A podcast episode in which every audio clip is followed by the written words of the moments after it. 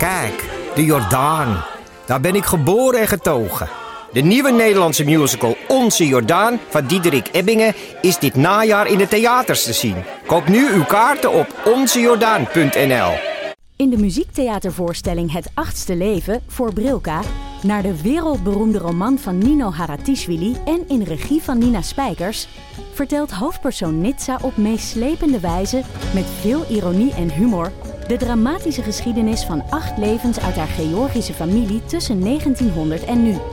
Een hartverscheurend en tegelijk troostrijk drama verteld vanuit het perspectief van vrouwen uit verschillende generaties waarbij het publiek meegenomen wordt op een emotionele, visuele en muzikale reis door de 20ste eeuw. Koop je tickets voor het achtste leven via oostpol.nl.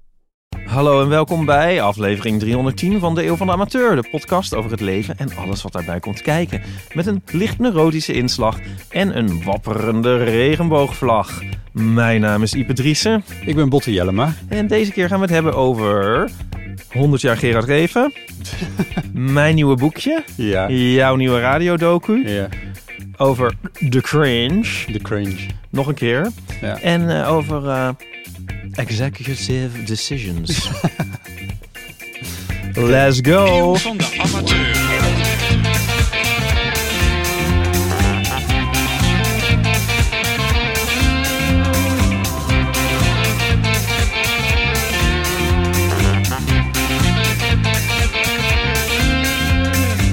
Eigenlijk, Botten, gingen wij een wandeling maken. Ja, zwaar. Ehm, want wij, gaan, ga- wij gingen, maar we gaan ook.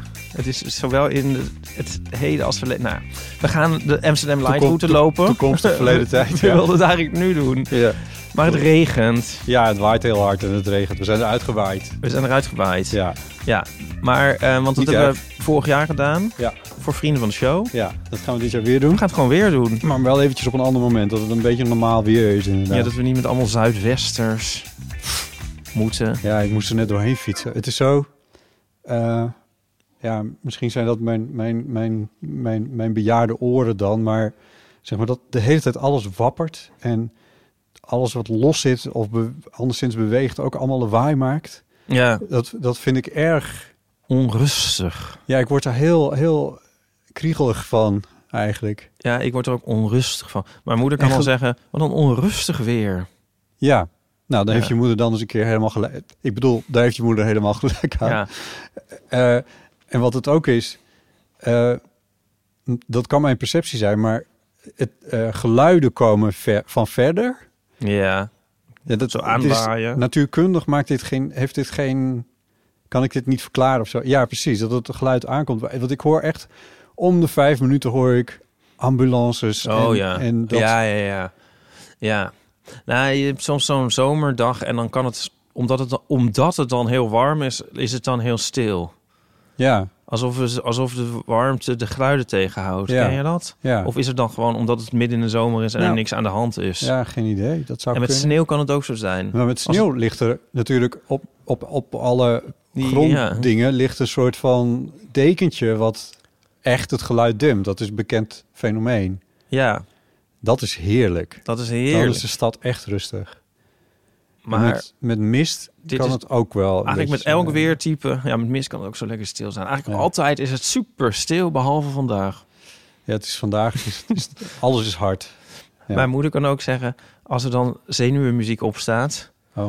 wat een onrustige muziek. Ja. Daarmee bedoelt ze dan te zeggen, dit moet nu af Ja. of ik ga gillen. Wat ze nooit doet, dus het moet af. ja, maar we hebben het over, weet je wat ergens met, met, met, met harde wind? Foto's moeten maken. Oh ja. Ja, ik kan me ook gewoon niet concentreren met harde wind. Nee. En dan denk ik van, het moet nu... eh, eh, jongens, even, ga even liggen. Even, even iedereen opletten of zo. ja. Je bedoelt buiten fotograferen Ja. voor fotostrips. Ja, maar ook zelfs eigenlijk binnen. Als ik dan bezig ben. En dan hoor je dan... En dan rammelen de ramen een beetje en Oh, zo. ja. En dan ga, ik zit dan een soort te wachten tot het klaar is. Die wind klaar is. Ja, Nou, het is gewoon geen dag om je te concentreren als het heel hard waait. Nee. Ik heb net even gekeken. We hebben hier in Noord-Holland code geel tot morgenochtend 8 uur. Oh. Ja, Oh. doe er je voordeel mee. Ja. Ik weet het ook niet, Ipe. Het is, ehm, het is een storm. Klaag. Storm Pia. Oh ja. Eigenlijk waren we aan storm Gerrit toe. Ja? Ken je dit verhaal? Nee. Gerrit Hiemstra is gestopt als weerman. En toen hebben ze...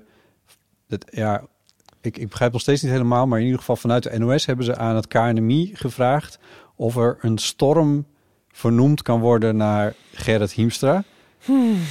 Als je ergens niet naar vernoemd wil worden... Nou, goed, anyway, daar kun je nog heel lang over hebben. Je hebt het volgens mij ook al over gehad van... Gerrit heeft heel veel schade veroorzaakt. Dat soort eh, berichten krijg je dan. Ja. Maar goed, ehm, en er is nu dus ook een hele uitleg weer bij het KNMI op de website van ja, alle meteorologische instituten van Europa die staan met elkaar in verbinding en daar waar het het eerst stormt, dat instituut mag het een naam geven. Ja. En nou, dat was dus niet Nederland, dat was Denemarken in dit geval. Of Noorwegen, daar wil ik vanaf zijn, maar in ieder geval iets Scandinavisch. En, eh, en die waren aan PIA toe. Want dat gaat dan ook nog eens een keer volgens een lijst die van tevoren is ja, alfabetisch. En ja, Ik stort helemaal in bij Ja, dit verhaal. ja niemand wil het het is dus horen. niet vernoemd naar het Pia Dijkstra, begrijp ik. Ja, dit, weet je, als, je, als, je, als we deze podcast... Hierdoor weten mensen dat we deze podcast niet van tevoren uitschrijven. Want dit, Dat hadden we, het zeker, is. dit hadden we zeker geschrapt. Goed, Oh my god. we hebben nieuwe Deze vrienden. folklore kan me echt gestolen worden. Ja. Ja. Nieuwe vrienden van de show. Want eh, ja, het was voor vrienden van de show bedoeld. We hopen dat we dat binnenkort alsnog voor ze kunnen doen. De wandeling bij het Amst- Amsterdam Oh, ja. Light Festival langs. Ehm, dus als je dat wil weten, dan moet je zeker ook vriend van de show worden. Mensen die dat in ieder geval alvast hebben gedaan... of hun vriendschappen hernieuwd hebben in de afgelopen periode... zijn... Doe jij maar de eerste, want ik vind die tweede vind ik leuk. Ja, dat dacht ik al. Maar je weet nooit hoe het dan weer er later uitkomt. Hè? Tenminste, ja, je kan het uitrekenen, maar... Goed, dat is Marieke. Schoonheid. Hier zet ik een engelenkoortje onder. Dag schoonheid. Hoe staat het leven? Is dit iets? Of Nee, denk dit je is dat van eh, Nijmegen bij zonsondergang van Frank Boeien. Oh, dan is Nijmegen de schoonheid. Nee, nee. Oh, Eh, fuck's sake. Dit, ik wou... Eh, oh, god. hoe eh, hoe heet is- ze ook alweer? Dit wil niemand weten. achter, achter, achter op de fiets met vader. Eh, hoe heet ze nou? Helena. Oh, sorry. Nou, ik, ik kom er zo nog op. Zo'n mooi lied. Dat is echt een schitterend liedje hoor, Nijmegen bij zonsondergang. Ehm, Joost Hermes, Martijn Maarsen.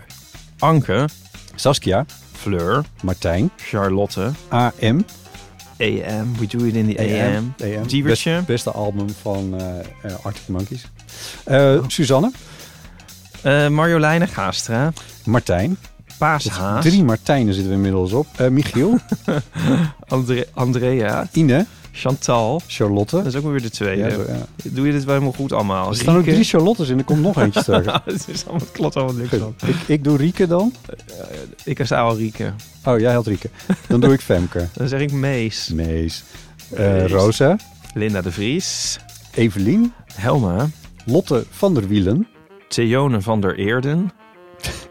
Ja, het is alsof we het allemaal verzinnen nou. het, ja. Aldo.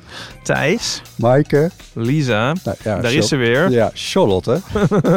Want het kan ook gewoon dat ze gewoon drie keer... eh, Je kan ook Doneert. twee of drie keer vriend van de show worden. Als je denkt, die 2,50 euro in de maand... Wacht, je moet nog een naam voorlezen volgens ja. Stijen. Je kan dus ook twee of drie keer vriend van de show worden. eh, als je dat wil, dan, eh, dan betaal je... voor- Als je denkt, die 2,50 euro, ja, dat is ook eigenlijk niks eh, in de maand. Ja, dan word je Ik- gewoon ik drie keer vriend. dan Waarom doen drie- mensen dat eigenlijk niet allemaal? Ja, dat- En masse. En masse. Behalve Martijn en Dat kan. Charlotte.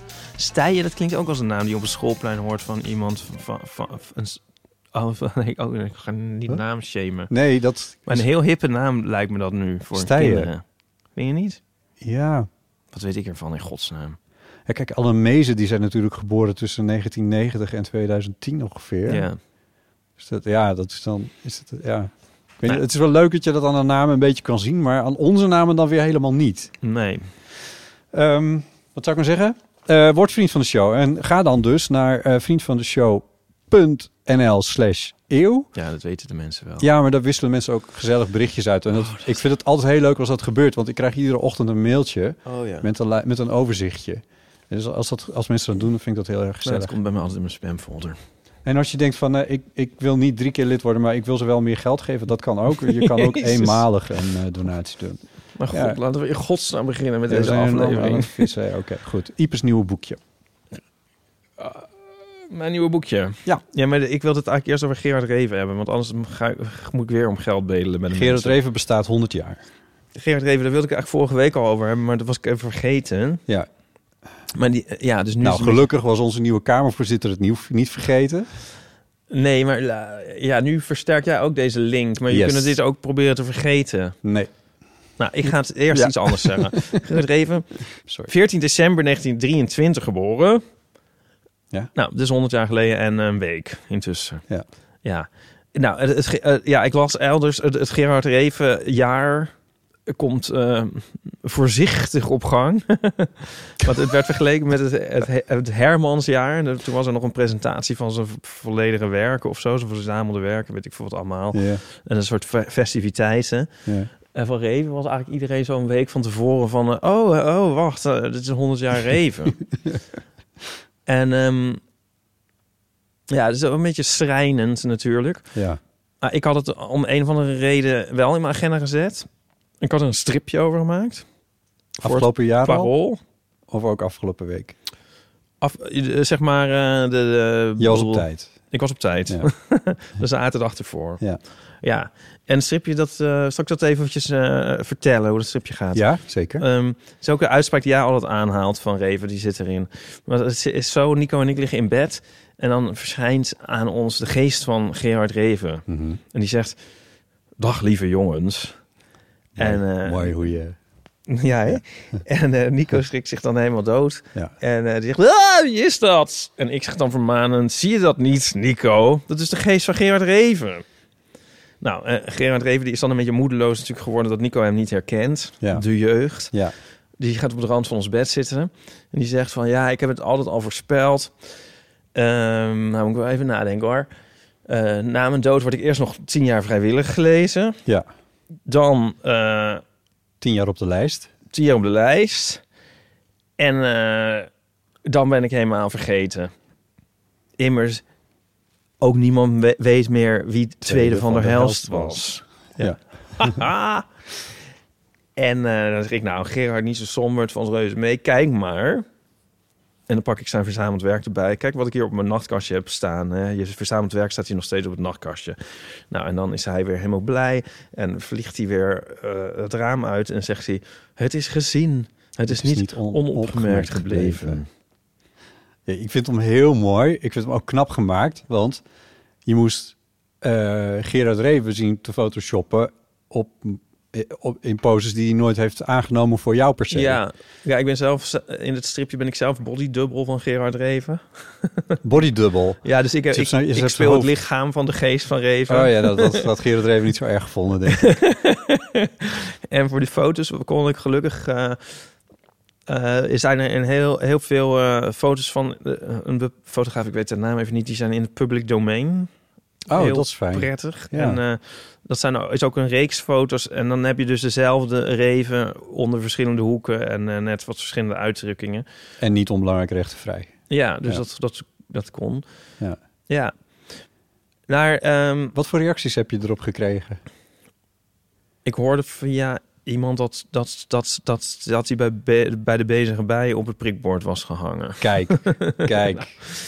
Ja, maar eh, nee, het was de strip is wel goed ontvangen.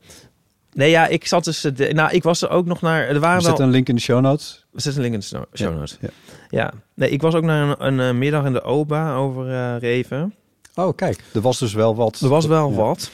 Ja, maar wat ik daar dus eigenlijk soort verwachtte en eh, was een soort duiding van nu met 100 jaar van oké, hoe kijken we dan nu aan tegen Reven? Ja, Want hij heeft nog steeds wel Reven in 2023. ja, Ja. van in het in het kijk, er is het in het nieuwe tijdsgevricht. Ja. Hoe, hoe, hoe verhoudt zijn werk zich daartoe? Dat had je verwacht. Dat, dat had zo- ik verwacht, ja. Want ik denk dat er valt wel iets over te zeggen. Ja, niet, niet dat ik dat nou ga doen. Maar er is in het ook destijds al wel een en ander te doen geweest over dat hij eh, zich heel racistisch heeft uitgelaten Ja. in woord en geschrift. En ja, dat is altijd een beetje zo onder het tapijt geveegd van nou ja, dat is ironie en eh, hè, zo meent hij het niet. Je moet het in de tijd zien. Ja. Ja. Maar ja, als het dan nog eens weer ik heb ook zijn biografie nog weer eens. eh, Je hebt zo'n enorm dikke driedelige biografie van Op Maas. Ja. En eh, als je dan daar weer eens doorheen bladert en sommige dingen tegenkomt, dan denk je toch wel van ja. Ik weet niet of we daar nog wel helemaal mee wegkomen om dat nou helemaal puur onder ironie te, eh, Ja, ja. weg te zetten. Ja, daar Eh, hoef je niet eens per se heel woke voor te zijn om dit nee. toch wat problematisch te vinden. Toch wel onge- ongemakkelijk is dat. En Ja. ehm, nou, daar zou je nu wel eens weer eens naar kunnen kijken. En een ander ding wat ik wel grappig vond. Maas leeft nog, toch? Zeker, ja. Ja, misschien. Misschien zou die Dat zou hij het leuk vinden, ja. Nou ja. En eh, ja, een ander ding. Ik, ik, je hebt... ehm, Ga jij, ga jij de avonden lezen in deze periode? Hè, tussen kerst en oud en nieuw worden de avonden oh ja, nee, nee. Nee. Ik heb wel dit jaar het een en ander van even gelezen. Met de boeken, mijn boekenclubje heb ik eh, het boek Oud en Eenzaam weer herlezen. Ik vond een en ander ook wel echt zijn beste boek. Nou, ik had een ander boek dat vroeger was dat een soort favoriet van mij. Dat is Ik had hem lief. Mhm. En het is een brievenboek. En dat is, dat heb ik destijds gelezen toen ik verschrikkelijk verliefd was. Oh. Eh, het is een eenzijdige briefwisseling van Reven die eh, ontmoet een eh, heel jonge jongen, een kunststudent. En het begint een beetje eh, heel, ja, nog een soort vorm, met een soort formele uitnodiging van zullen we eens dineren of zo, weet ik veel. En dan, nou, dat wordt allengs worden die brieven eh Reviaanser en Reviaanser. En eh, ja, je ziet nooit de andere kant, maar eh, hij, hij, zit, hij is in Frankrijk zijn, zijn eh, huis aan het bouwen op een berg, helemaal in alle eenzaamheid. En hij zit de hele tijd met te smeken of die jongen komt en of hij toch eens iets laat horen en zo. En allemaal fantasieën op die jongen te projecteren de hele tijd. Hmm. En het is allemaal heel grote eenzaamheid en verlorenheid. Maar ja, ik vond dat boek destijds heel, heel mooi. Oh. En ro- heel romantisch. Ja. Ongelooflijk romantisch. Ja. En zo. En nu was ik dat... Ik dacht, dat ga ik ook nog weer eens lezen. En, eh, Wanneer was het destijds ongeveer? Is dat... nou, dit is ergens een ja, s- moet ik heel even. Nee, maar ik bedoel, toen jij Oh, toen het ik het las, las. Was dat ja? Ik bedoel, 2000, 20 jaar geleden? Of... 2000 ja, zoiets, ja. Oké, ja. Ja. Dus jij was net student af, zeg maar. Ja. Ja. Ja. En ik weet nog dat... Oh ja, want ik heb het toen ook cadeau gedaan aan iemand. en toen kocht ik het bij een eh, antiquariaat. Het boek is uit 1975. Hm. Eh, volgens mij bij Hinderiks en Winderiks in eh, Utrecht op de Oude Gracht. En ik had het dus zelf al en ook zelf gelezen. Maar ik wilde het cadeau doen aan een vriend. En toen ehm, zei die man... ehm, ja, het is niet Revens beste. Wauw, oké. Want het, ik snap dat ook wel. Van dat een winkelier die denkt van... oh, misschien gaat iemand nu voor het eerst iets lezen... en ja. dan is hij gelijk verloren en zo. Ja. Maar goed, maar ik vond het destijds dus heel mooi. Maar nu nam ik het dus weer ter hand en ik begon te lezen. En ik dacht echt van nou... als je deze brieven allemaal on- ontvangt... dan, ga, dan zou ik zou gewoon een straatverbod aanvragen. ja, ik vond het echt niet meer kunnen. nee.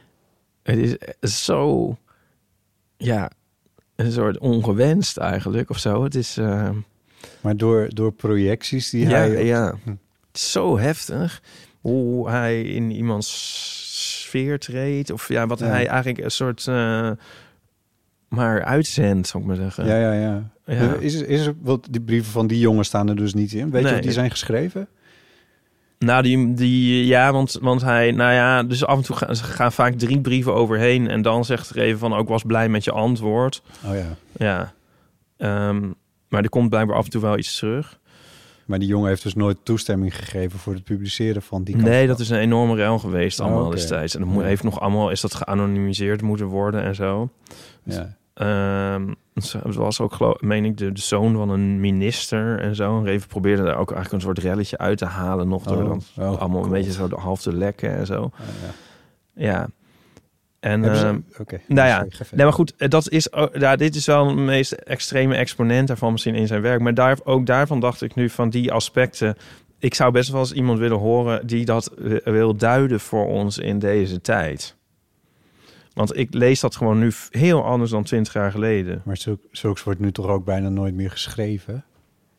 Nee, nou, maar dus van, oké, hoe gaan Ja, ik hoe, ik, wil, zou wel eens Ja. van iemand anders willen horen. Hoe lees je nou zo'n boek of zo? Ja. Ik had daar iets over gehoopt te horen op die, op die revenmiddag. Ja, Ja, maar wat kregen we? nou, En Theodor Hopman interviewde iemand, ik, de naam ontschiet me even. Die heeft, komt nu binnenkort met een boekje over de drukgeschiedenis van de avonden. Want de avond is nu toe aan zijn zeventigste druk. En dan ging het was over... het een VPRO'er? Weet ik niet. Er, zit- zitten een paar... Anton de Goede is, is bijvoorbeeld heel Nou, die was het niet. Die was het niet. Nee. Ja, die heeft... Heb ik dit al eens verteld? Anton was erbij. Anton was mijn... eh, ik heb heel lang met Anton samengewerkt bij, bij, de, bij de VPRO. Ehm, en eh, ja, hij is nu met pensioen. Eh, maar Anton was erbij toen Gerard Reven de avonden eh, voorlas. Oh, dat. Ja. En, dat, en dat dat voorlezen, dat dat echt... Nou ja, op zich wel goed ging, maar voortdurend onderbroken werd... doordat Gerard Re- Reven Ja. zat te geilen op de jonge De technicus. geluidstechnicus. Ja. Ja. Ja. Ja. En Anton vond het fantastisch dat dat allemaal gebeurde. En ik, ik dacht alleen maar van ja, het is natuurlijk eigenlijk super irritant voor eigenlijk iedereen. Ja, het is gewoon vreemd. Ja, Ja. het zou nu niet meer kunnen. Nou, nee, toch? Nee, zeker niet. Maar, nou ja, dit ging over de drukgeschiedenis van de avond. Maar het ging dan over, van- omdat de avond bij heel veel verschillende uitgeverijen is ondergebracht geweest. Die ook soms niet helemaal door hadden wat de ander aan het doen was. En nou ja, dan was het dus van, oh, wat geestig. De 22e druk verscheen na de 23e druk en zo. Daar Oh, ging het over. En op een gegeven moment kwamen we zelfs uit bij, bij de zetfouten in de 12e druk van Op weg naar het einde. en zo. En, en nou ja, en Theodor Homman leidde dat gesprek en het- het ging me door. En, en die, hij, had, hij zei ook nog van, eh, nou, de jeugd eh, laat het wel afweten vanmiddag, want er staan alleen maar bejaarden in de wat zaal. voor Oh En- god. oh Ja. jezus. Het, het Toby Lakmaker was uitgenodigd om, om eh, iets uit te spreken, maar die kwam niet. Oké. Ja, in plaats daarvan kwam iemand, ja, sorry, ik heb de namen niet paraat van deze mensen, maar die ging dan weer vertellen, die had in, in, in een van de brieven in Op weg naar het einde, dan komt, een, komt er een uitvinder op bezoek bij de vader van Reven. Mhm. Nou ja, en eh, dat is eigenlijk gewoon een voetnoot. En eh, die had dus achterhaald wie dat was en ging de hele levensgeschiedenis van deze Tsjech, Tsjech of Slovaak, weet ik De veel, uit de doeken doen. Ja, dat was, ja. Ja, dat was het eigenlijk. En toen gingen we de grote Gerard Reven show, eh, die ooit op tv is je de vraag moest beantwoorden, welk merk, beschuit hij elke ochtend af? dat was het, ja. Fuck Ja. sake, ja. Dus dan, dat was een dan- beetje een teleurstelling. Ja. ja. ja, wat spijtig. Want er zit zoveel meer... Ja, wat je net eigenlijk zei. Nou, ik, ik, ik had dus met mijn strip zo het idee van... ehm, kijk, met Reven... Het is wel een held. Ik vind het ook... Het is ook wel een held. Maar ja, er zitten wel kanten aan waar... Ik wel... Ja, hoe zeg je dat? Eh, Nou ja, waar je het nu over wil hebben. Ja. Waar je nu anders Ja. tegenaan kijkt. ja, Of, wat, misschien, wat ik bedoel, ook in zijn tijd werd er natuurlijk niet per se alleen maar met bewondering naar gekeken. Eh, nee. Dus ik bedoel, het was toen al ingewikkeld. Het is een soort periode ergens rond de jaren negentig geweest waar je niet, waarin hij niet meer stuk kon. Al heeft hij dat zelf eigenlijk nauwelijks meer meegemaakt. Nou, vanaf wanneer is hij echt het beeld verdwenen? Ja, iets later. Hij is in 2006 overleden, toch? Zoiets, maar ik, Ja. ik heb... Ja, tot zijn dood was hij wel... eh, ging het wel goed. was dat al, is hij al eerder overleden? Dan ben ik het kwijt ook. Nou ja. Eh, goed, wat ik bedoel te zeggen is... eh, de, de, de reververering is ook misschien iets meer van... nadat die boeken al... op het moment dat die boeken al een, aantal, een aantal decennia er waren. De, de, de, de, de, de avonden werd volgens mij meer gelezen... toen het er al een paar decennia was dan... Nou, de avond was een soort heel langzame hit, inderdaad. Ja, dat gold voor die andere boeken volgens mij. Ja, tussen de avonden en, de, en zijn echte doorbraak zit heel veel tijd. De avonden is eh, van vlak na de oorlog en ja. met op weg naar het einde is hij eigenlijk pas doorgebroken in eh, meen 1963. Dus er zit eigenlijk Ja. heel lange tijd nog tussen. ja. Ja, en dan op een gegeven moment dan zet de afzakeling weer. Dan vinden mensen latere werk vinden mensen dan ook nooit goed. Nee. Maar ik weet nog een interview met Gerry Eikhoff. Gerry Eikhoff. Ja, en die eh, een keer in Volksland Magazine een paar jaar terug. En die, Het interview met Gerry Eikhoff. ja, en die Oh, dat, dat, dat helemaal beruchte interview met Gerry Eikhoff. In, berucht. ja, Waarin hij naar die wasmachine zit te kijken en dat soort dingen. Dat denk ik. Maar daar veeg, veegt hij helemaal de vloer aan met Reven. En Ja. dat als, als Reven op tv was, dan zetten zij de tv uit Ja. en zo. En die, dat, eh, dat eh, hem, ja, vanwege zijn eh, racistische uitlatingen. En Dat, dat, dat interview heeft best wel wat stof doen Ja. opwaaien. En hij, ik vond, dat, het- ik vond het heel dapper ook dat hij dit vertelde. Eh, want het is niet, hoe zeg je dat? ja, Comswie of zo, om dat te doen in, eh, in, in de intellectuele wereld, om Gerard Reven af te vallen. ja, ja, ik, nou ja, nu wordt helemaal niet meer zo over Reven gepraat. Dus het kan nu ook wel. Ja. Het is, en het, hij heeft toch eh, hij heeft natuurlijk alle recht, hij had ook alle recht om dat nee, te zeggen. zeker. Ja, maar nou ja, daar had ik, ja, het zou gewoon leuk zijn om daar, of leuk. Maar goed, wat ik er allemaal niet mee wil zeggen, is dat we dus re- heel even met het badwater weg moeten gooien. Dat, dat ook niet, want ik Mhm. vind dus dat Nee, je het gewoon over hebben. ook heel veel te bieden heeft. oh ja, nee, maar zo kwam ik op. Ik zat dus in mijn stripje ook, deed, ik zat te denken voor mijn strip voor het parool van, ja, moet ik dit aspect nou ook, moet ik dat erbij? Ik had dan een neiging om te laten zien, want dat ik er Dat dat daar wel weet. van bewust ben. Maar ja, ik heb vier plaatjes. Ja. En ik wil dus hem ook weer niet reduceren tot dit aspect. Want dan vind ik dat Reven dus ook weer te veel voor te bieden heeft. Snap Kon je er maar Dus heb ergens dat een minuut heb of twintig over praten? Had je die ruimte maar? Ja, nee, maar goed. En eh, nou ja, dus ja, nu heb ik het hier genoemd. en eh, er zitten gewoon meerdere aspecten aan. We hebben het wel eens over, vroeger gehad over gecancelde artiesten. Weet je van, wat nou als je nou van Michael Jackson houdt en dan komt Ja. dit allemaal aan het licht en wat doe je dan? En ik heb dat een beetje met Reven, hoewel ik het, hoewel het gewoon plain to see is, dus kan, iedereen kan het lezen, zijn, zijn meer eh, verderfelijke kant. Maar ehm, Ik was in een, jawel, Ja. bar in Utrecht waar Michael Jackson werd gedraaid. Ja, dus het klinkt toch Ja. vreemd hè, als je het nu hoort. Ja, het was, het Ja. was voor mij even een momentje. Ja, maar ik, ik weet het niet. Misschien, ik kom niet zo heel veel meer in de horeca, dus ik weet het ook niet per se. Maar ja. ik was voor mij wel even weer de eerste keer. Ik weet ook niet dat ik er nooit kom. Dus het was voor mij wacht even de eerste keer, ja. Ja, ik hoorde laatst ook ergens. Maar als ik ook bij iemand thuis kom die een Michael Jackson poster heeft hangen, Ja, denk ja. ik ook van, het toch hey, verhaal Michael weten. Jackson. Maar ja, als je bij mij komt, dan zie je in de boekenkast heel prominent het verzameld werk van Gerard Reven. En dan staat er ook heel, heel groot zo'n handtekening Gerard Ja. Reven. Het is niet te missen. Nee, En dan, ja, dan denk ik toch ook van, ja, oké. tegenover de platenkast met Morrissey. moet eigenlijk een, eh, een post-it op met een kleine disclaimer. Maar nogmaals, In ieder geval, sorry. ja, maar ik ben dus niet bereid om ook helemaal afstand te doen van heel het werk. Dat ga ik ook niet doen. Het biedt ook heel veel en dat blijft ook, Ja, wil ik zeggen. ja, Ja, ja. Ehm, je neemt afstand van delen van het werk. dat, ja, en, Ja. ja. en ik had het fijn gevonden als, ik- als wat meer als, alsof ik ergens, als iemand ergens had georganiseerd, dat we daar eens over konden Ja. hebben en reflecteren. Maar dat was in ieder geval niet die middag het geval. Nee, maar dat ging ook wel helemaal de hele totaal andere kant op, Ja. als ik zo hoor. Ja. ja. Ehm, Dat is toch ook wel weer spijtig. Ja. En nog een kleine... Ja, je noemde net die avonden die die heeft ingesproken. Ehm, Ja. ik tip wel eens vaker de podcast Culty Culty van eh, Robert Weijers. Eh Culty Culty heeft een hele reven aflevering. En Robert heeft met eh, behulp van AI... Oké. Ja. en eh, met van die opnames van eh, de avonden... heeft hij eh, Oh, de stem van Reven nou, dat kan ik ben, ik, ben principieel tegen AI, maar dit vind ik wel Ja, leuk. het is wel leuk. Ja. En dus deze hele aflevering wordt aan elkaar gepraat door de AI Gerard Reven. Nice. En het leukste is nog wel dat hij ook nog in, in draait hij onze kersthit. Gay is Christmas. Ja? Oh, wow. Ja, dus als je dat luistert, dan worden wij, wordt Pop Dory wordt aangekondigd door Gerard Reven. Echt? Ja, dat is wel geinig. oh, dat is leuk. ja. Deze aflevering wordt mede mogelijk gemaakt door ITA, Internationaal Theater Amsterdam. ITA brengt in januari twee publieksfavorieten op de planken. De eerste is Medea en de tweede is de voorstelling Judas. Ipe, ben jij een beetje bekend met het verhaal van Judas? Ik ben er dan mee opgevoed. Een beetje een- uit, uit de Passion elk jaar. Ja, Kijk precies, elk jaar de Passion. ja, ja. Een van de apostelen van, eh, van Jezus Ja, dat Christus. wist ik. Precies, ja.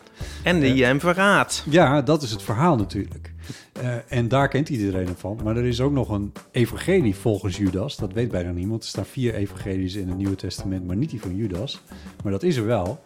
En dat is het verhaal wat op de planken wordt gebracht bij Ita. Wat spannend. Ja, dus dit is eigenlijk een versie van het verhaal waarin Judas doet wat hij doet, omdat Jezus hem daar zelf om vraagt. Dat is het verhaal volgens het evangelie, ja. Ja.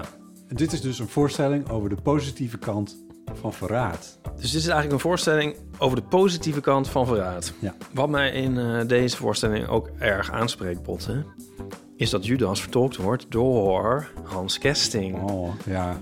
Nou, dat is natuurlijk een eh, acteur om je vingers bij af te likken, kun je dat zo zeggen? Dat, ja, nou, dan mag je in dit geval mag je je vingers er best even bij aflikken. Ja. dat is gewoon genieten. ja, Ja, daar heb ik zo'n zin in om daar naar te gaan kijken. je gaat. Zeker. Jij toch ook? Ik ga zeker ook kijken. De regie is in handen van eh, Robert Ikke, een eh, Brit. 37 jaar pas, eh Botten. Nou, dat Maar, is- maar net ietsje, maar net ietsje ouder dan dan wij. Ja, nou, die heeft ook alle prijzen gewonnen die er te winnen zijn voor eh, regisseurs. Ja. Eh, onder andere de Laurence Olivier Award. Ook een huisregisseur van ITA, die daar furoren maakt. Nou, ik heb zelf deze voorstelling in 2015 gemist. Maar ik ga in eh, januari lekker kijken. Ik ben echt heel erg benieuwd. Ik vind het altijd heerlijk, moet ik zeggen, om naar voorstellingen van ITA te gaan. Het is ook leuk om in januari in het theater te zitten. Want wat gebeurt er nou in januari? Een ideale maand om naar het theater te gaan. Precies. Judas is van 10 tot en met 20 januari te zien bij Internationaal Theater Amsterdam. Dat is dus ITA. Koop je kaarten via www.ita.nl. www.ita.nl Door met de podcast. Ehm, nu we het toch over onze eigen producties hebben. Ehm, sowieso luister eventjes naar onze kersthit. Dat kan nu nog. Ik bedoel, hè, na, Ja, na, deze weer een jaar in twee de weken, dan, dan moet je weer een jaar wachten. Ehm, maar eh, jij hebt een album uit. Je hebt een nieuw boekje. een boekje. Ja, nou, het moet nog van de, de, de drukker, nou, printer eigenlijk komen. Ja? Maar ehm, Wat is het? het, is, eh, het heet, ja, ik heb heel lang over de titel gedacht. Het heet Ipe 23. Omdat het ook mijn leeftijd is. Ja, druk 23e druk. Eh, nee, ja, eh, opeens kwam het idee me op. Ik had, ik had in coronatijd het coronaboekje gewoon in eigen beheer. Een boekje met een bundelingetje. Ja, En ehm, met, met als je hem uitvouwde, een hele lange bank ja, buiten. Want alles was buiten. Met Ja. aan de ene kant Jules en aan de andere kant jij. Wie Ja. was dat? Ja, ja, en met nu... 10 meter ertussen. Ja. Nou ja, ik dacht van het is wel leuk. Ik heb het afgelopen jaar weer eh, de nodige strips gemaakt. Ehm, misschien wel leuk om die te bundelen. En dan hebben mensen een soort, soort jaarboekje, een Ja. overzicht van het jaar. Ik heb toch wel veel onderwerpen eh, behandeld. Ja, Niet en alle. dare I say, het verschijnen van de I- blauwe IPE-bundels, daar zit inmiddels wat tijd tussen. Ja, nee, ik, ik, ik doe dat niet meer via de, de, de reguliere kanalen. Nee, dus alles bestaat digitaal. Dus als je het een keer netjes geprint wil hebben en in mooie boekvorm verzameld en ook nog eens overzichtelijk over een jaar, dan is dit natuurlijk een hele leuke. Ja, Hoeveel Eh, staan erin? 60. Nice. En dit is echt zo'n iets, zo'n ding wat ik dan normaal in, eh, in, in februari verzin. Van, oh, dat had ik moeten doen, maar nu verzon ik het op tijd. Nou ja, semi op tijd. Ja, ik zou net zeggen, het is van, het is ja. nou ja, maar goed. wat dus het voordeel is, het, is, het begint eh, met een strip over goede voornemens. En het eindigt met een strip over oud en nieuw. Dus echt het hele jaar zit erin. Ah, ja. Dus dat is het leuke, Ja. vind, vind ik. Ja.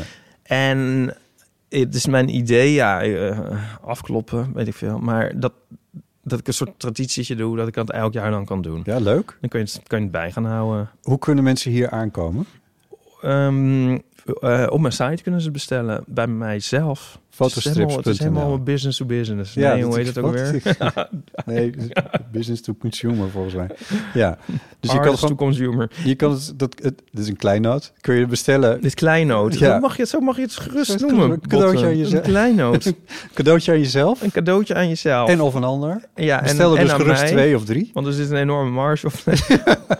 Ehm fotostrips.nl slash winkel. Ja, oh, oké, heel goed. Ja, want eh, ik, heb een, eh, ik heb wel een winkel, hè. Je hebt natuurlijk wel een winkeltje. Dit zei Gerrit er even ook. ja, En, eh, en ik signeer hem ook natuurlijk. Ja, leuk. Ja, Ja, ja, je kan er ook nog inzetten voor wie. mooi. Ja. Nee, dus... en, en, maar zit jij nou de hele kerstvakantie eh albumpjes te versturen? Of hoe gaat het werken? nou, ik neem nu dus bestellingen op. En dan komt het ding hopelijk... vlak, meteen na kerst van de drukker. En dan eh, ga ik gewoon een hele dag die eh, dingen versturen. Ah ja. Ja. Nee, dus... ehm, Dan heb je hem nog met oud en nieuw. Heb je nog... Nou, dat durf ik niet te beloven hoor, met de Nee. post. Want Nee, ik heb ook een waar. kerstkaart gestuurd twee weken geleden. En ik heb nog van niemand gehoord van... oh, Goh, wat een leuke kerstkaart. Ja, oh, nee. ik heb hem ook nog niet. Ehm, maar goed, dit komt. Eh, nee, dus eh, ja, fotostrips.nl slash winkel voor, voor IP23, mijn, mijn jaaroverzichtje. Ja, heel erg leuk. Van ik ben heel benieuwd. Van harte uitgenodigd. Ja. Eh, dan mag ik ook nog iets promoten. Ja, leuk. Van mijzelf. Ja. Eh, want ik heb ook een winkeltje. Ehm, ik had al gezegd dat, er, dat ik bezig was met een wat blijft aflevering slash documentaire slash podcast eh, over Erwin Olaf. Ja. En dat die op 17 december op de radio zou zijn. Dat was veranderd voordat ik het in de gaten had. En dat is de 24ste geworden. Eh, omdat ze het konden combineren met een speciale kerstachtige, eindejaarsachtige aflevering van het programma. Ehm, en dat betekent dus dat hij komend weekend eh, verschijnt. En eh, je kan natuurlijk naar de radio luisteren na middernacht op zondag. Maar je kan hem ook gewoon eventjes abonneren op de podcast Wat Blijft van Human. Ehm, en dan verschijnt hij daar vanzelf in. Ik neem aan dan op maandagochtend of zo. Of dan zie je hem vanzelf. Ehm, en ik heb, er, ehm, ik heb er met heel veel plezier aan gewerkt. Dus ik ben heel benieuwd wat mensen ervan vinden. Dus ik ben ook heel benieuwd of, als eeuwluisteraartjes, eh als die het leuk vinden. Want eh, Erwin Olaf zit, Luisteraartjes. luisteraartjes, zit dus, Erwin Olaf zit wel een beetje in ons, hoe zeggen we dat?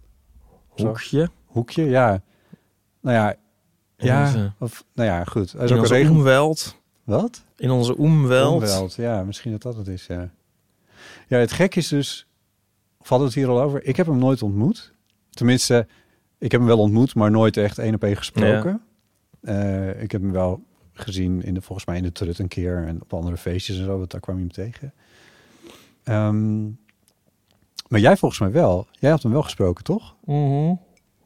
Ja, een beetje. Ja, ik heb dat volgens mij al verteld in de aflevering Ja. nadat hij was overleden. Maar ja, Ja. ja ook niet ehm, eh, uitgebreid. Hè? Nee, maar eh, Bram de Wijs, Ja. die ook dicht bij ons staat, eh, als ik me dat mag permitteren zo te zeggen, dan eh, die heeft hem in 2019 toen Erwin die grote overzichtstentoonstelling in Den Haag had. eh, toen is Bram daar naartoe geweest en die heeft hem toen ook gesproken.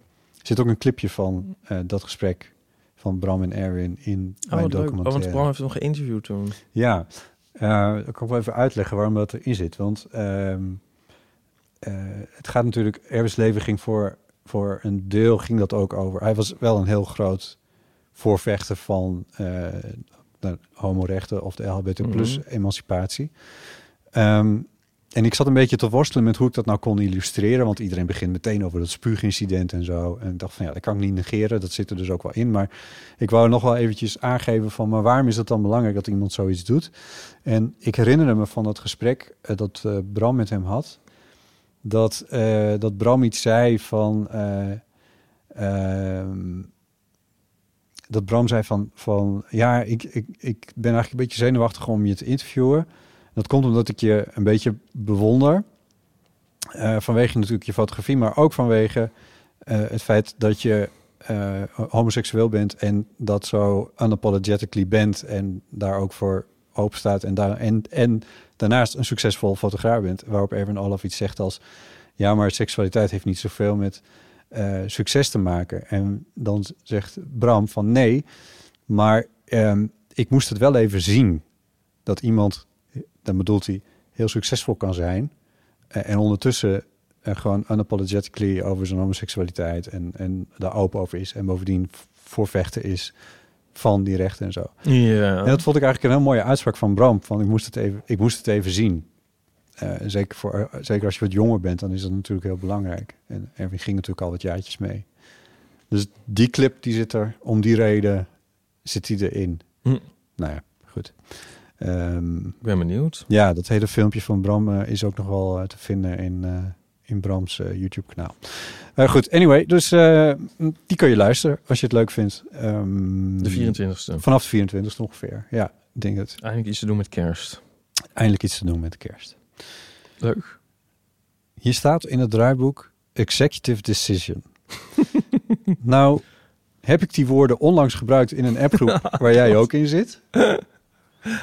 Ja. Zal ik die ane- anekdote dan even vertellen? Nou, anekdote vind ik een beetje een groot woord hiervoor. Nou ja, eh, onze studiobaas, Bart, zit in een verbouwing. eh, en is hier onregelmatiger dan anders. Terwijl die hier wel een beetje treilen en zeilen allemaal doet. eh, zoals een, als een goede baas. Ehm, dus wij, het, het, het komt iets meer op ons aan. Plus dat ook wij allemaal onderhand een klein beetje wat in kerstige sfeer aan het belanden zijn of zo. In ieder geval, de studio is niet elke dag bezet. Ik was hier met de opnames die we met Dam Honey maakten. En of de dag erna. En toen stond onze vaatwasser stond helemaal vol. Ehm, en ik had geen tijd gehad. Of ik, ik was daar, ja, ik kan wel gewoon zeggen, ik was gewoon vergeten om hem aan te zetten. Dus er stond hier, ik stond voor de keuze van, ik ga hier nu weg, het hele weekend lang plus twee dagen daaromheen. Dus vrijdag en maandag is hier waarschijnlijk ook niemand. Ga ik nou die vaatwasser met vuile vaat laten staan of zet ik hem aan?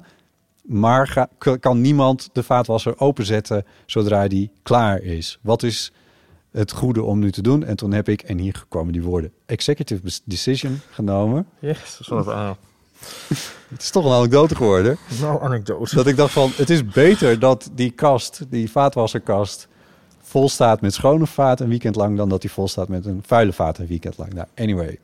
Het is allemaal erg oninteressant, maar dit is hoe die worden. Oh, oh ja. Ja. Nou ja, Je vraagt jezelf mm, Nou, het belangrijkste eh, laat je eigenlijk weg. Ehm, Bart wil niet dat we de vaatwasser laten lopen als er niemand is.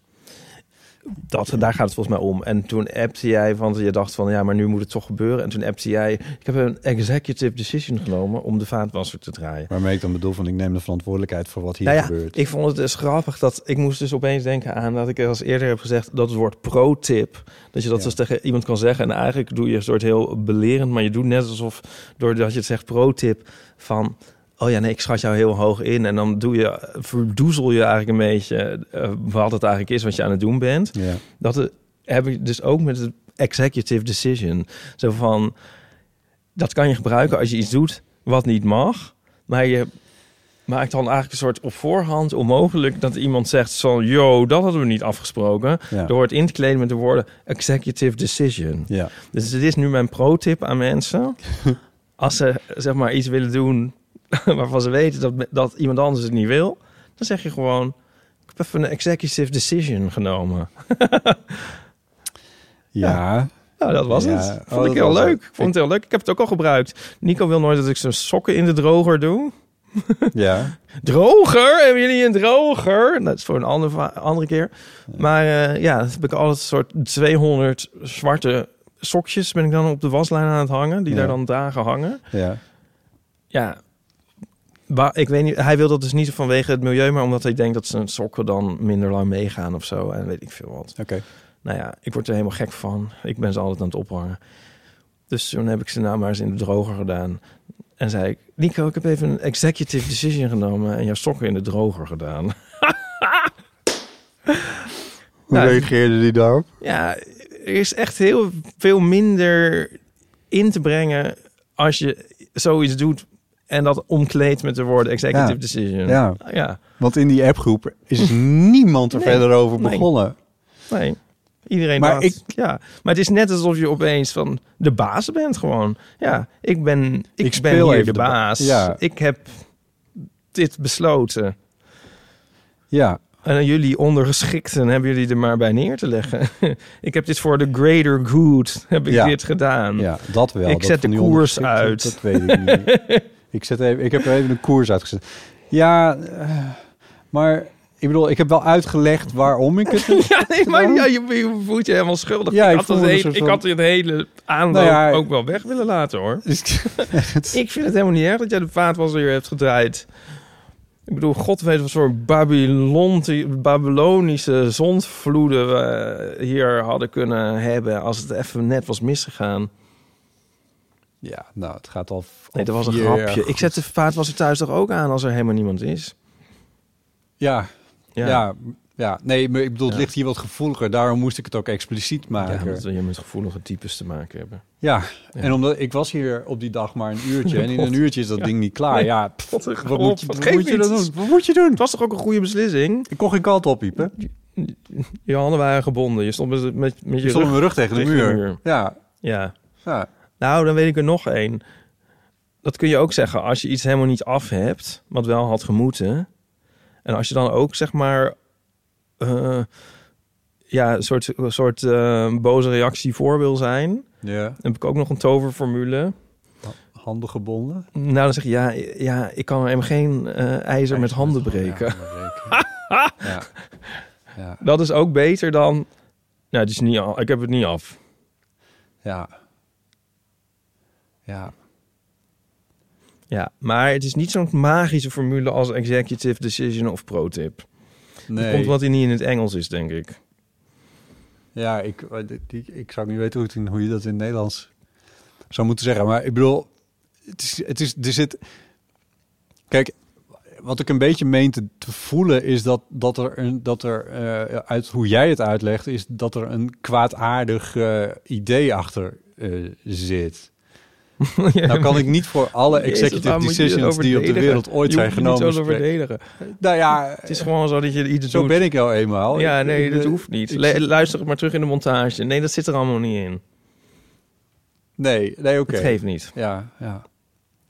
Ik heb toch snel het gevoel dat ik het verkeerd doe bij, eh, bij iedereen. Echt? Ja, Nee, nee, dat is het niet. nee. Ja, ja. Het is gewoon een tip voor de luisteraar. Ja. Heb je zin in eeuwfoonberichtje? Zeker.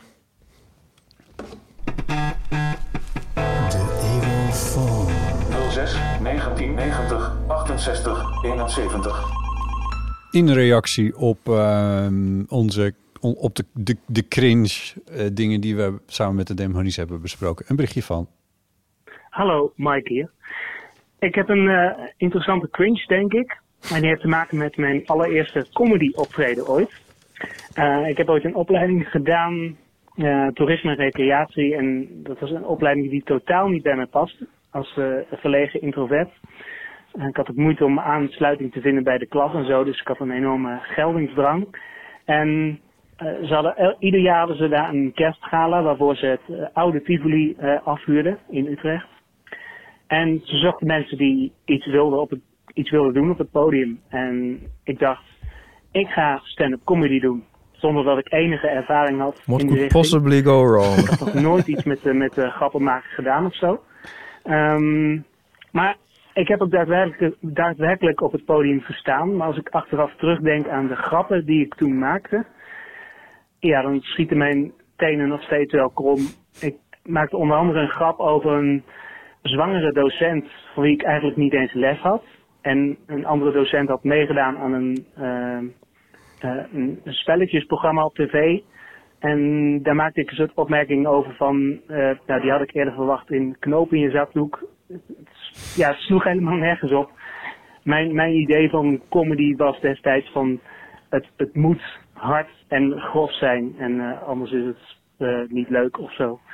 Nou, inmiddels weet ik wel hoe ik comedy moet maken en heb ik ook de cursussen gedaan. Dan sta ik ook op, eh, ook op het podium als comedian. Maar ja, ik denk nog wel eens terug aan die ervaring en hoe cringe het eigenlijk was. Gelukkig, ehm, ja, heb ik er nooit echt ehm, ja, negatieve reacties op gehad of zo. Ehm, gek genoeg waren de reacties achteraf juist heel positief, maar dat had eerder te maken met het feit dat mensen het heel knap vonden dat ik het durfde, überhaupt.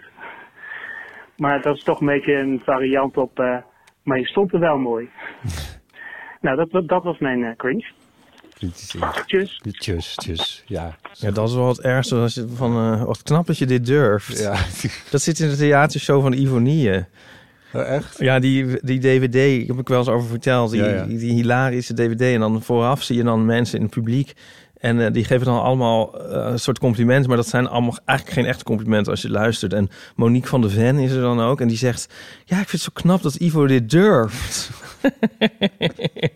en, of, ja, of is dat Monique van de Ven? Of zegt zij... Nou ja, wie wat zegt, weet ik niet. Er zegt ook iemand van... eh, ik vind het zo heerlijk om Ivo zelf zo te zien genieten. Oh ja, oh ja, ja, ja. Oh, Ja. nice. Ja. Ja, iets- ik, ik, ik, ik ken het hele verhaal van Mike natuurlijk niet, maar als ik het zo hoor, heb ik het gevoel dat, dat dit best wel eens twintig jaar geleden zou kunnen zijn geweest. Eh, en dat hij ook eigenlijk de enige is die dit nog weet. Eh, dat de rest het ook allemaal al lang weer is vergeten. Eh, maar dat is natuurlijk wel een beetje de definitie van de cringe, waar we het dus de hele tijd over hebben. Ehm, maar dat, ik, ik, ik, ik weet niet hoe jij dat ziet, maar ik, ik herken daar in die zin wel iets in. Eh, dat ehm, als je iets nieuws begint, dan ga je eerst je grote helden of zo maar eens even helemaal nadoen. Heb ik je dit ooit verteld? Dat ik bij. eh, ik, ik, ik heb een tijdje met. Dit is ook honderd jaar geleden, maar toen speelde ik met George van der Pannen. eh, toen begeleidde hem. Hij, hij zong, ik op akoestische gitaar.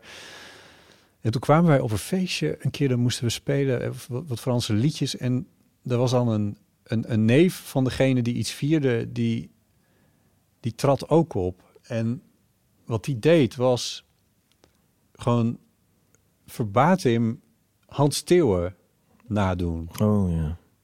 Hele, maar niet even, maar gewoon echt een, eh, volgens in mijn herinnering een half uur, het zal tien minuten zijn geweest, maar gewoon echt heel lang, gewoon een hele, Maar verbatim bedoel je dan ook echt... Bedoel je ook letterlijk verbatim? Je bedoelt dat hij de tekst van Ja, Hans Steven uitsprak? ja, nee, hè? ja, nee. ja, Hè? echt als een, als een Hans Theeuwen cover act. Hè? Ja, Oh, dat is erg. ja. Oh, daar zou ik niet bij willen zi- zitten. Nee, ik vond het ook, ik vond het zo raar om te zien, maar hij had er wel succes mee. Oh my god. plekke.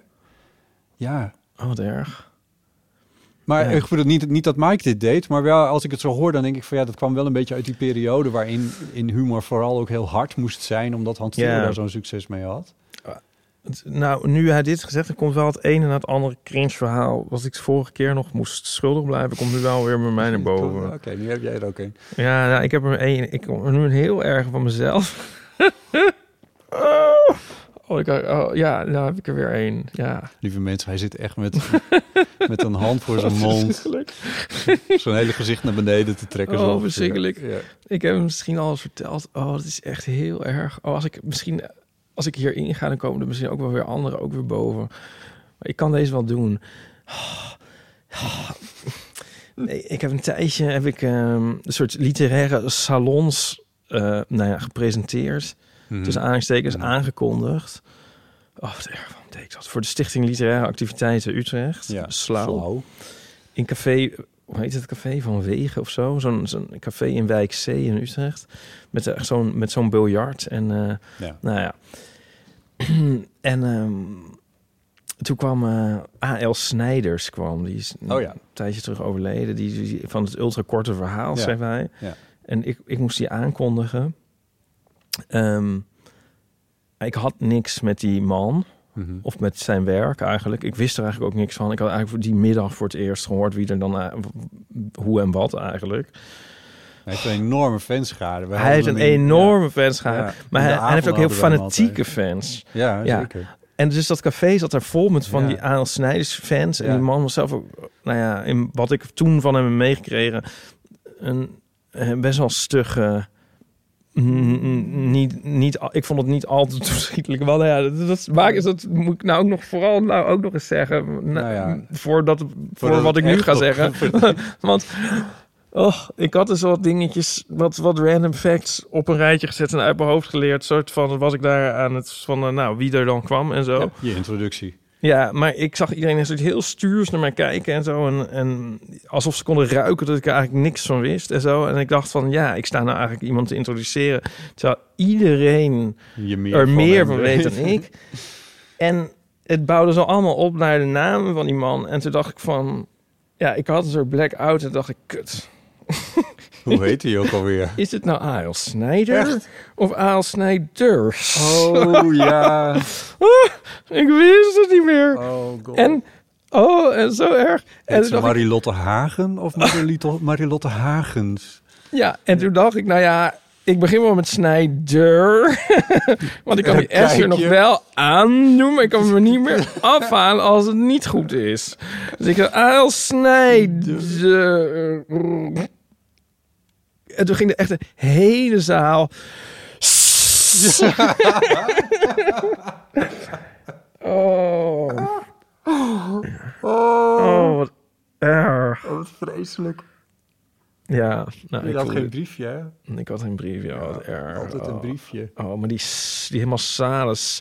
En ik had ook nog dacht tot op dat moment dat ik misschien nog mee wegkwam. Ja. En dacht die hele zaal, iedereen, unisono, mij uitsiste. Oh, wat Toen ben ik er wel mee gestopt. En, eh, De introducties. ja, ik dacht... het Hierom? Of- Ja, ik dacht, Oh, het staat echt? helemaal Oh. nergens op. Ik weet er niks van. Je hebt nooit meer iets voor een te microfoon doen? gedaan. nee, maar niet iets waar ik niks van weet. Nee. Ja. Maar ik, Heb je hem nog gesproken eigenlijk? Nee. Het is, het is echt een heel aardig. Het is echt een aardige- Ja, Bas is een aardige Een man. heel aardige man, ja. Ja, ja. nou, ik was gewoon ook... Ik, was- ik, dit was gewoon een achterlijke actie van mij.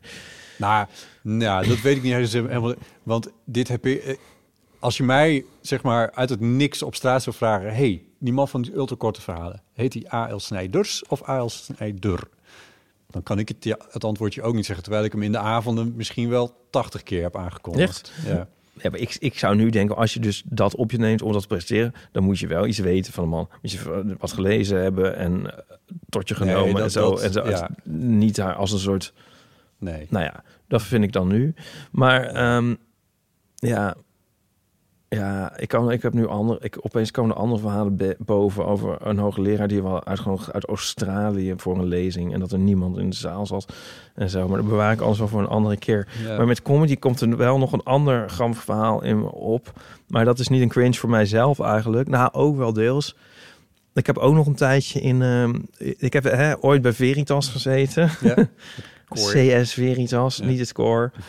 Ehm, ehm, ja, een soort semi-core. Eigenlijk nog Nou ja, erger. De studentenvereniging. Nepcore, ja, in Utrecht. En eh, daar zat ik in de culturele commissie van eh, Veritas, de QQLQ. Dat is dan wel weer het minst Veritijnse wat je dan kon doen binnen Veritas. Ja. Eigenlijk. Maar wij or- een commissie met verder alleen maar meisjes. En wij organiseerden allemaal activiteiten waar nooit iemand kwam. Want daar zat mensen, ja, daar zat je ook helemaal niet voor bij Veritas. Nee. Maar goed. Ook, en ehm, ja, we hadden een keer een cabaretier uitgenodigd. We nodigden heel vaak cabaretiers uit trouwens. En dat, dat was het enige waar mensen wel eens kwamen. We hadden ook een keer een saxofoonkwartet uitgenodigd. En toen kwam er dus ook niemand. En toen moesten wij allemaal, gingen we als een gek dan maar vrienden opbellen nog. Ja. Amstel? Weet ik niet meer. Zo van, ah, we dachten van, we waren met z'n zes of zo. Van als we allemaal nog drie mensen weten te krijgen, dan zitten er in ieder geval nog alles bij elkaar. Toch net twintig man in de zaal, dan Ja. kan het. Of, of zoals iemand onlangs tegen me zei, dat, dat een, een band op een gegeven of een bandlid op een gegeven moment het publiek ging voorstellen aan de band. Oh, maar ik heb in mijn leven heel vaak bij dingen gezeten waarbij ik heb zitten uitrekenen wat het per Ja. hoofd van het publiek eigenlijk kostte. ja, iets te vaak. Ja. dacht, oh ja, nou ja, we hadden ook iedereen 100 euro kunnen geven. Oh, ja, zo benauwd allemaal. Ja, het, het ergste dat ik het ook nog Het leven is geen rekensom, hè? het is geen rekensom, maar ik heb het ook nog heel vaak van twee kanten eigenlijk meegemaakt. Want dan heb ik zelf iets georganiseerd en dan kwam er niemand. En dan was ik gegeneerd voor degene die ik had Ja, uitgenodigd. ja. Maar ik heb het dus ook andersom gehad dat ik ergens werd uitgenodigd. En was er ook weer niemand. En dan voelde ik me ook weer gegeneerd. En Ja. denk, waarom voel ik me altijd gegeneerd? Ja, ja, Ja, precies. nou ja. Maar eigenlijk het verhaaltje wat ik wilde vertellen was Er is dat nooit een antwoord gekomen op die vraag. Nee. Oh. Oh, nou weet ik nog een verhaal. Oh, nou weet ik een erg verhaal. nou, zo, die kwam... Ja. Nog Maar eerst moet even dat verhaal van wat, Ja. wat in mijn hoofd zit door die mic. Want we hadden een keer een comedian uitgenodigd. Of comedian, zo heet het toch niet. Een cabaretier hadden we uitgenodigd. En ehm, op, bij cabaretiers kwamen er dan meestal wel mensen. Maar je had ook kans dat dan het publiek van boven kwam. Waar ze bier dronken. Wij zaten dan beneden. Ja. En ehm, dus echt En eigenlijk die wel de wilde je eigenlijk niet hebben, want dan werd het heel onrustig in de zaal. Nou ja, en dat werd dus heel onrustig. En die cabaretier, die was best wel middelmatig. Ik weet zijn naam niet meer. Johan Goosens. Nee. Ik zeg niet omdat Johan Goosens middelmatig is, want dat is hij niet. Maar Johan Goosens heeft een soort, soort situatie ook wel een keer Oh ja, in omschreven. studentenverenigingen. Ja, Ja, ja, ja, ja. Maar dit is ook veel langer geleden. Eh, nou ja, het had gekund misschien. Maar eh, nou, het is echt de- nog de jaren negentig hebben we het nu over dat ik daar eh, actief was. Mhm. Ja, sterker nog. Ja, het zal 1996 of zo zijn geweest. Jezus. Ehm, maar er was dus één jongen in het publiek was met name eigenlijk heel irritant. En die zat de hele tijd soort opmerkingen gewoon dwars Ja, erheen te nee. maken. Maar wel nog een soort half grappig eigenlijk bijna. Maar die cabaretier wist daar niet mee om te gaan eigenlijk. En toen op een gegeven moment zei hij van, eh, legde hij een soort zichzelf eigenlijk stil. Zei hij, ja, eh, jij bent, geloof ik, vind jezelf geloof ik wel heel erg grappig. Ehm je zit deze van die opmerking te maken. Misschien wil je, wil je even hier komen, wil jij het even doen? Nou ja, Nogal een gok. nou een gok, maar het is ook, ja, ik denk, ja, dat is misschien het laatste wat je moet doen. Dat lijkt me wel, ja. Ja, ik, ik ja, nou ja, die jongen zijn, ja, dat, ja, leuk, doe- ja, goed, die kwam zo. Oh god. En die ging toen van wal steken, ja, maar nu komt het. Ja. Die was toen heel erg geestig. ja, en die had al zijn vrienden achter zich natuurlijk. Ja, maar ik Ja. was niet zijn vriend en Nee, maar zelfs jij vond het grappig. ja, en hij was eigenlijk grappiger, terwijl hij gewoon maar wat ging Oh, nee. staan te zeggen. Oh. De handicapatier. Ja. En eh, ja, het werkte ook nog naar een soort crescendo. En toen kreeg hij heel groot applaus. En toen die cabaretier was dan wel een soort zo savvy om het een soort aan te nemen alsof het zijn verdienste was geweest op dat moment. Om het podium te geven aan. Ja, en het soort daarmee allemaal weer onschadelijk te hebben gemaakt. Dat is wel de enige manier waarop je hier weer uit kan nou komen. ja, en dat ik. lukte ook wel op zich. En daarna was het ook weer iets. Nou ja, eigenlijk zat de sfeer er toen beter in en zo. En liep het op zich allemaal wel beter af. Maar wat toch wel heel erg. Ja, het moment dat hij begon en dat meteen hij iets grappigs zei. En dat iedereen heel hard de hardste lach meteen van de avond had. Ja, dat was wel echt. eh, dat was wel behoorlijk cringy en eh, pijnlijk. Dan kan er toch veel misgaan op live podia. Oh, waarom Ja. hebben wij die ambitie ooit ook echt, ik bedoel, gehad en hebben? Nou, wij, volgens mij hadden wij, deden Ik wij bedoel, het het maakt hard. het ook heel tof. Hè? Dat, het maakt het dat het, zeg maar dat het spannend is en dat het zo dat het uit de bocht kan vliegen. Ja. Dat maakt het natuurlijk ook leuk Ja. als het wel lukt of zo. Ja. Of ja, Ja. Maar ik, ja, ja, sorry, er is een heel vat aan anekdotes nu opengaan. Maar ik heb nog echt een puntgave anekdote uit dezelfde tijd. Want we hadden een... eh, die man, die bestaat misschien nog wel. We hadden iemand uitgenodigd. Ik niet hoor. Eh, iemand van de commissie, een lachtherapeut heette die. oh, Nou, oh, hij is nog wel een dear. soort bekend. Zou die nog leven? Ik heb dit wel eens op tv een soort gezien, meneer. Sutorius heette die, geloof Oké, ik. ja. Straks eens Dus iemand die, die, die een lach inzet en wat je dan mee Ja, moet en doen. dan moet je met z'n allen Oh, meedoen. Oh. Vreselijk. Ja. Vreselijk. En, eh, en het was zo'n zaal. En je kon... ehm, de, eh, beneden was het dus de, de eetzaal was het eigenlijk. En boven was de sociëteit. En eh, beneden waren dan ook... Na het eten waren dan de activiteiten. En je kon die zaal ook scheiden met een gordijn. Dan kon je hem kleiner maken. Nou, dat was dus altijd wel nodig voor onze activiteiten. en die man kwam... En wij hadden dus volgens mij ook iets heel anders verwacht. Want het was een heel zalvend verhaal. En het ging om... Je moet nooit lachen om. Je moet altijd lachen met. En eh, nou ja, en dat ging hij dan doen. En ja, het mocht nergens over gaan. Het moest alleen maar een soort alleen de lach. En dan begon hij dan zo Oh, een beetje. En dan moest iedereen mee gaan doen. Oh. En zo. En oh, en we zaten allemaal van, oh god, wat hebben we gedaan? Ja. En Als, als verantwoordelijk comité. ja, Ja. waarom? Zaten we weer met kromme tenen. Ja. Maar eh oh, er zat er iemand te kijken en op, nou ja, volgens mij ver- verliet af en toe al iemand zo stilletjes de zaal. Maar op een gegeven moment kwam er iemand aan en die moest iets schijnbaar hebben van achter dat gordijn of zo uit de een, ke- een medewerker van de keuken. Oh ja, ze waren denk ik dan nog daar met de afwas bezig en zo. Mhm. En ja, die liep dus eigenlijk min of meer langs die eh, lachtherapeut af en die wilde door die gordijnen heen. Oh, Zo. Maar je had dus ook van die karren, waar kon je dan je dienblad inzetten, Ja, weet je wel, als ja. Nou ja, en die karren die stonden dus schijnbaar precies achter dat gordijn geparkeerd. Dus diegene wil door dat gordijn lopen, maar dan keihard tegen zijn kar Oh, nee. aan. Oh, en die veel- om en zo. En Oh, allemaal heel veel kabaal. Iedereen keihard lachen. Uiteraard. Ja. En die dacht ik, nee, nee, stop, stop, nee. Want dat is lachen om en niet lachen met. Eindelijk lachten de mensen. Ja, Oh, oh, wat heerlijk dit. ja. Ja, oh, het leven. oh, het leven. Ja. Ja. Oké, ik Ja. maak er wel mijn eigen... Ja, ik weet opeens nu echt 100 cringe-verhalen. Ik weet niet waarom ik er eerder niet op kwam. Het, is Nou- helemaal, het komt helemaal los. Ja. Kennelijk moest je even aangezet worden. Moest even aangezet worden. Ja, ja. Misschien kunnen we je nog een keertje aanzetten later, want we kunnen ze nu niet allemaal doen nee, natuurlijk. kunnen ze niet. Nee. Maar ik wil graag weer met je lachen. Ehm, en dan, eh, dan, en dan vooral ook een oproep aan, eh, aan, aan mensen om, om de, hun cringe... Ja. Als, eh, misschien zijn meer mensen nu aangestoken door... Ja. Spreek het vooral in op onze eeuwenfoon 06 1990 68 71. Kun je gewoon lekker de voice mee spreken. En we hebben nog eentje binnengekregen, Oh, maar ja, dat is, dat is, dat is een, in een hele andere categorie hoor. Maar het, hij gaat ook een beetje over jou, dus dat is ook wel weer grappig. Oh, echt? Hoi, Botte en Ipe. Ehm, ik luisterde vorige week naar jullie cringe verhalen. We samen met Dan Honey. En eh, toen vertelde Ipe eh, dat degene over wie je cringe gaat het vaak niet eens door heeft. Dus ik dacht, ik test het even. Want mijn grootste cringe van 2024 heeft met Ipe te 23. maken. Ehm, ik was namelijk naar de eh, Engelse boekpresentatie. En toen zag ik Ipe en staan. En daarvoor was in, in een winkel, dus het was een beetje rommelig.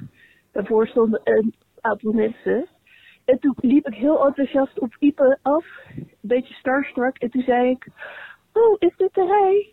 En toen bleek het eigenlijk allemaal mensen bij Ipe te horen. Dus er was helemaal geen rij. Eh, ik was de enige samen met mijn eh, echtgenoot. toen vond ik wel echt, een, echt helemaal cringe. En daarna heb ik er heel vaak aan gedacht. Dus Ipe, sorry. Ik, ik hoop dat jij het dan wel vergeten bent bij deze. Nou ja, ik bedoel het allemaal niet zo.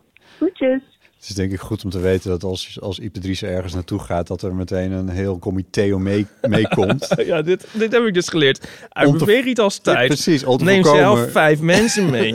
dat je voor een Ja. zaal terecht ja, komt. dit weet ik al sinds, sinds 1996. Ja, precies. Nou, dit is nou, dit is, vind ik nog minder, die, nog minder cringe dan van Damn Honey. Dit, dit, dit is toch, wat is hier cringe aan? Nou, ik denk dat zij zich vooral heel erg schaamde voor dat ze dat niet had gezien. Of, of dat, ze, Oh. ook- dat ze het ook heel raar vond om jou dan dat te moeten vragen of zo. Ja, ik bedoel, je weet nooit hoe dat bij iemand aankomt. Nee, nou, Ja, je- eh, de- maar- dus, er waren was- uiteindelijk wel wat mensen, wil Dus- ik nog zeggen. En ik, vond, ik ben blij met iedereen die er dan is natuurlijk. Dus Ja. alleen maar heel erg leuk. Precies. Alleen maar, alleen maar hartstikke leuk. Ja, Nee, maar echt waar. ja. Van Ja. harte. Van harte uitgenodigd. Hier geen cringe, wat Nee, mij betreft. Ja, precies. Dus eh, ja, het is anoniem ingesproken, dus ik weet niet. Maar persoon die het heeft ingesproken, dit is allemaal goed. En de beste manier om hier overheen te gaan is om gewoon de volgende keer meteen weer op het paard te springen, volgens mij. Dus als jij weer een keer ergens type handtekeningen gaat zetten, Ja, komt wel. kom vooral. Ja. Ja, dat ja, denk ik. ik vraag me af of het Alice was en of ze de hond ook bij zich had. Maar eh, nou ja, dat moet ze nog maar eens laten Oh. weten. Was Ja, iemand ik weet nog wel precies iedereen die er was natuurlijk. Ja, want ja, zo... Nee. Je schrijft al die namen op, dus dat registreer je natuurlijk meteen. Ja, dat snap ik wel. ja, nou, mooi. Goed, ehm, het gaat naar het einde van deze aflevering. Ja. Het is de laatste van het jaar. Ehm, Ja, tenzij we nog lichtjes gaan lopen. Of komt dat dan begin Ja, volgend dat komt jaar? begin van het nieuwe jaar. Oh, ja. Want anders moeten we echt op, eh, wat is dat dan? Eh 30, 30 december Nee, publiceren. dat kan natuurlijk ja. niet. Nou, ik weet niet. Ja, wat, niet kan, maar ik, ik, ja, jij, moet al die boeken versturen. Dus dat, Ja. eh, dus dat gaan we in het nieuwe jaar doen. Ehm, hoe, hadden we het er nou over gehad? Over hoe jouw kerst er ongeveer uit zou zien? En hoe gay jouw kerst was? ja, dat was, dat twee was een boeken steunen van, van gayheid. Ja, precies. Dus dat begint binnenkort al. Ja. Ehm, heb je nog tips voor, eh, voor de Hoe jouw kerst eruit ziet, dat kan ik me ondertussen niet helemaal herinneren, by the way. Oh, nee, ja, er is een. Ik ga naar familie en er is nog een etentje met, eh, met vrienden. En verder heb ik eigenlijk heel weinig gepland. Behalve dat ik eh, heel graag lekker wil uitslapen eh, een tijdje. En ehm, eh, lekker wil lezen. Oh ja, En nog een paar series wil kijken. Die de ik avonden. gezien. Ga je de avonden lezen? Nee, ik ga de avonden niet lezen. Nee. Nee. Dat is. Ik, ik snap wel dat het lezen van de avonden. Dat is, want dat speelt tussen kerst en oud en nieuw zo ongeveer, pak een beetje. Of in de laatste dagen van december in ieder geval. De laatste tien Ja. dagen toch? Ja, Ehm, ik snap Ja. wel dat mensen dat lezen als een soort concept. Want volgens mij helpt dat je er echt wel doorheen. Want het is niet per se een heel makkelijk boek om, om doorheen, zeg maar. Ik bedoel, het zit vol met stierlijke verveling. Dat is het hele idee van het boek ook. nou ja, kijk, ja, ik heb het eigenlijk maar één keer gelezen. Ja. Eigenlijk door de avond ben ik begonnen met boeken lezen, want ik, nou, Oh, Ja, nou, mijn moeder zei dat het eh, destijds dat, dat in haar ervaring dan een soort sensatie was de avonden dat dat verscheen vlak na de oorlog. En dat het helemaal, dat de oorlog, eh, dat het helemaal niet ging over de oorlog. Nee, Dat vond ik zo'n fris idee. ja. dacht ik, nou, dat wil, dat, daar ben ik dan wel benieuwd naar. En Het ehm, ging eigenlijk wel over de oorlog.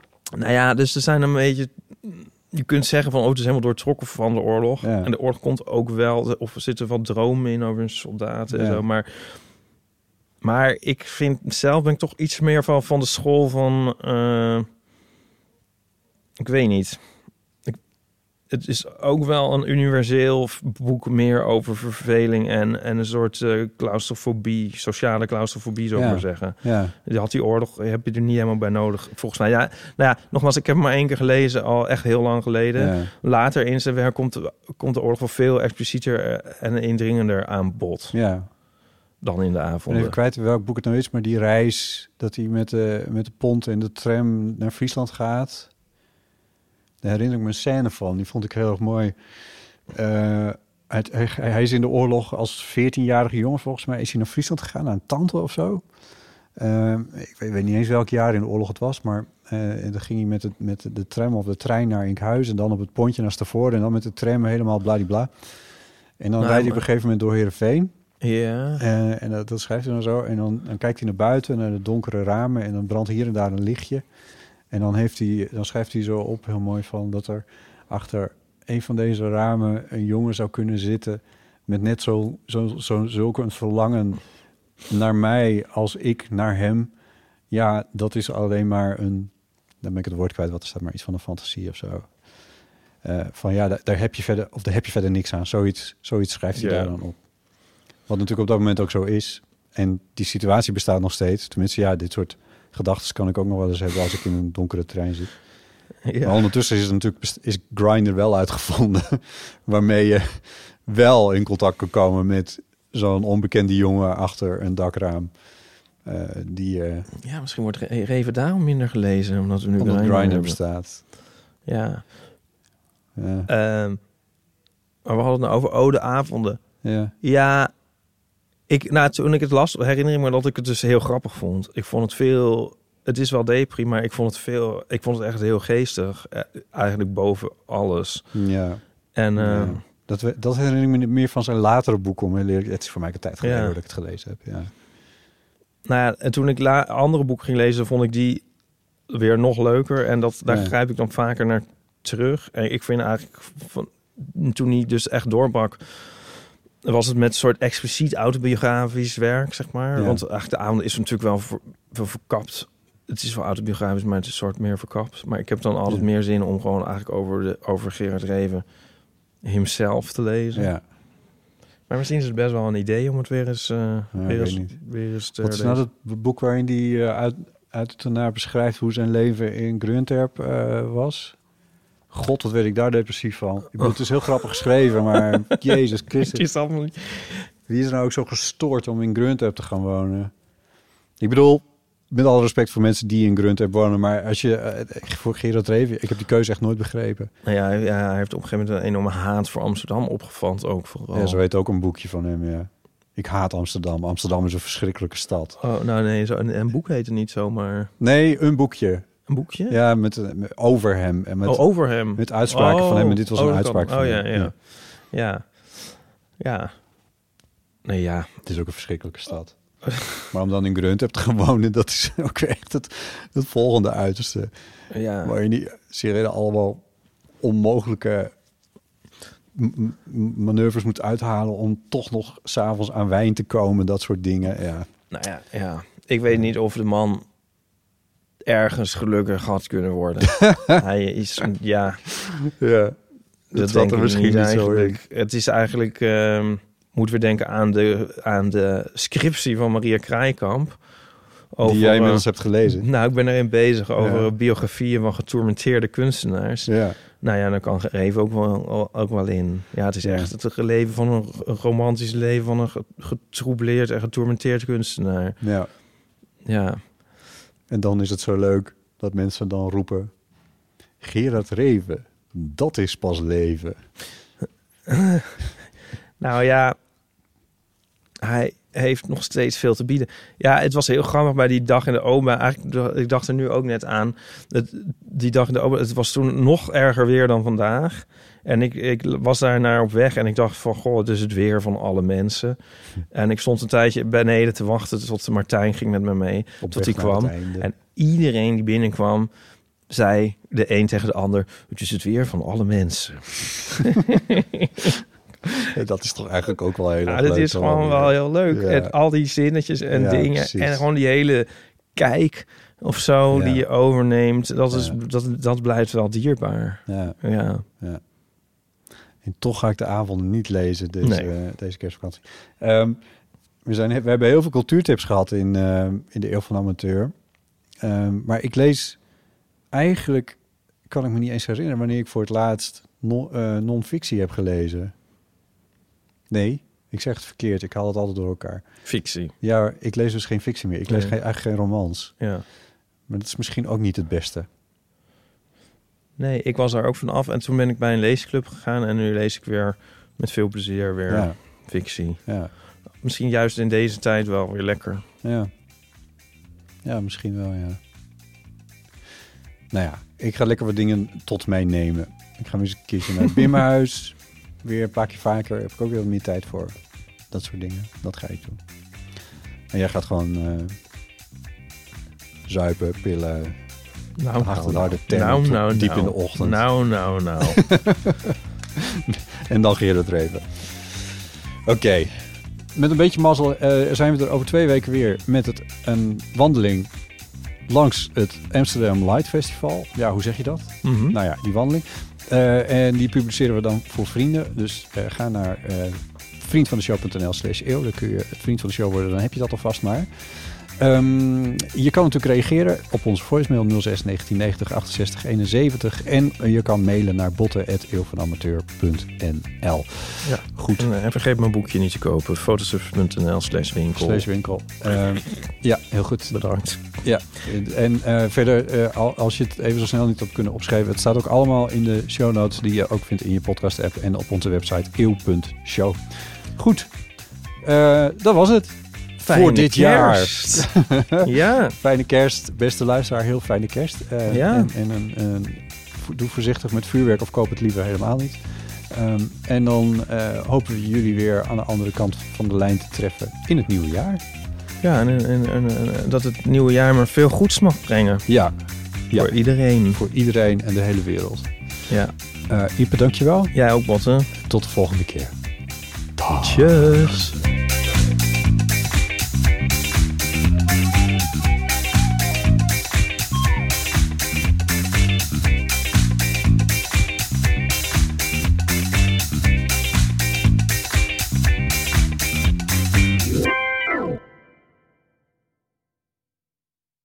Nog even over die grootse en epische muziektheatervoorstelling. Het achtste leven voor Brilka is een marathonvoorstelling van 5 uur. Koop je tickets voor deze bijzondere theateravond via oostpol.nl.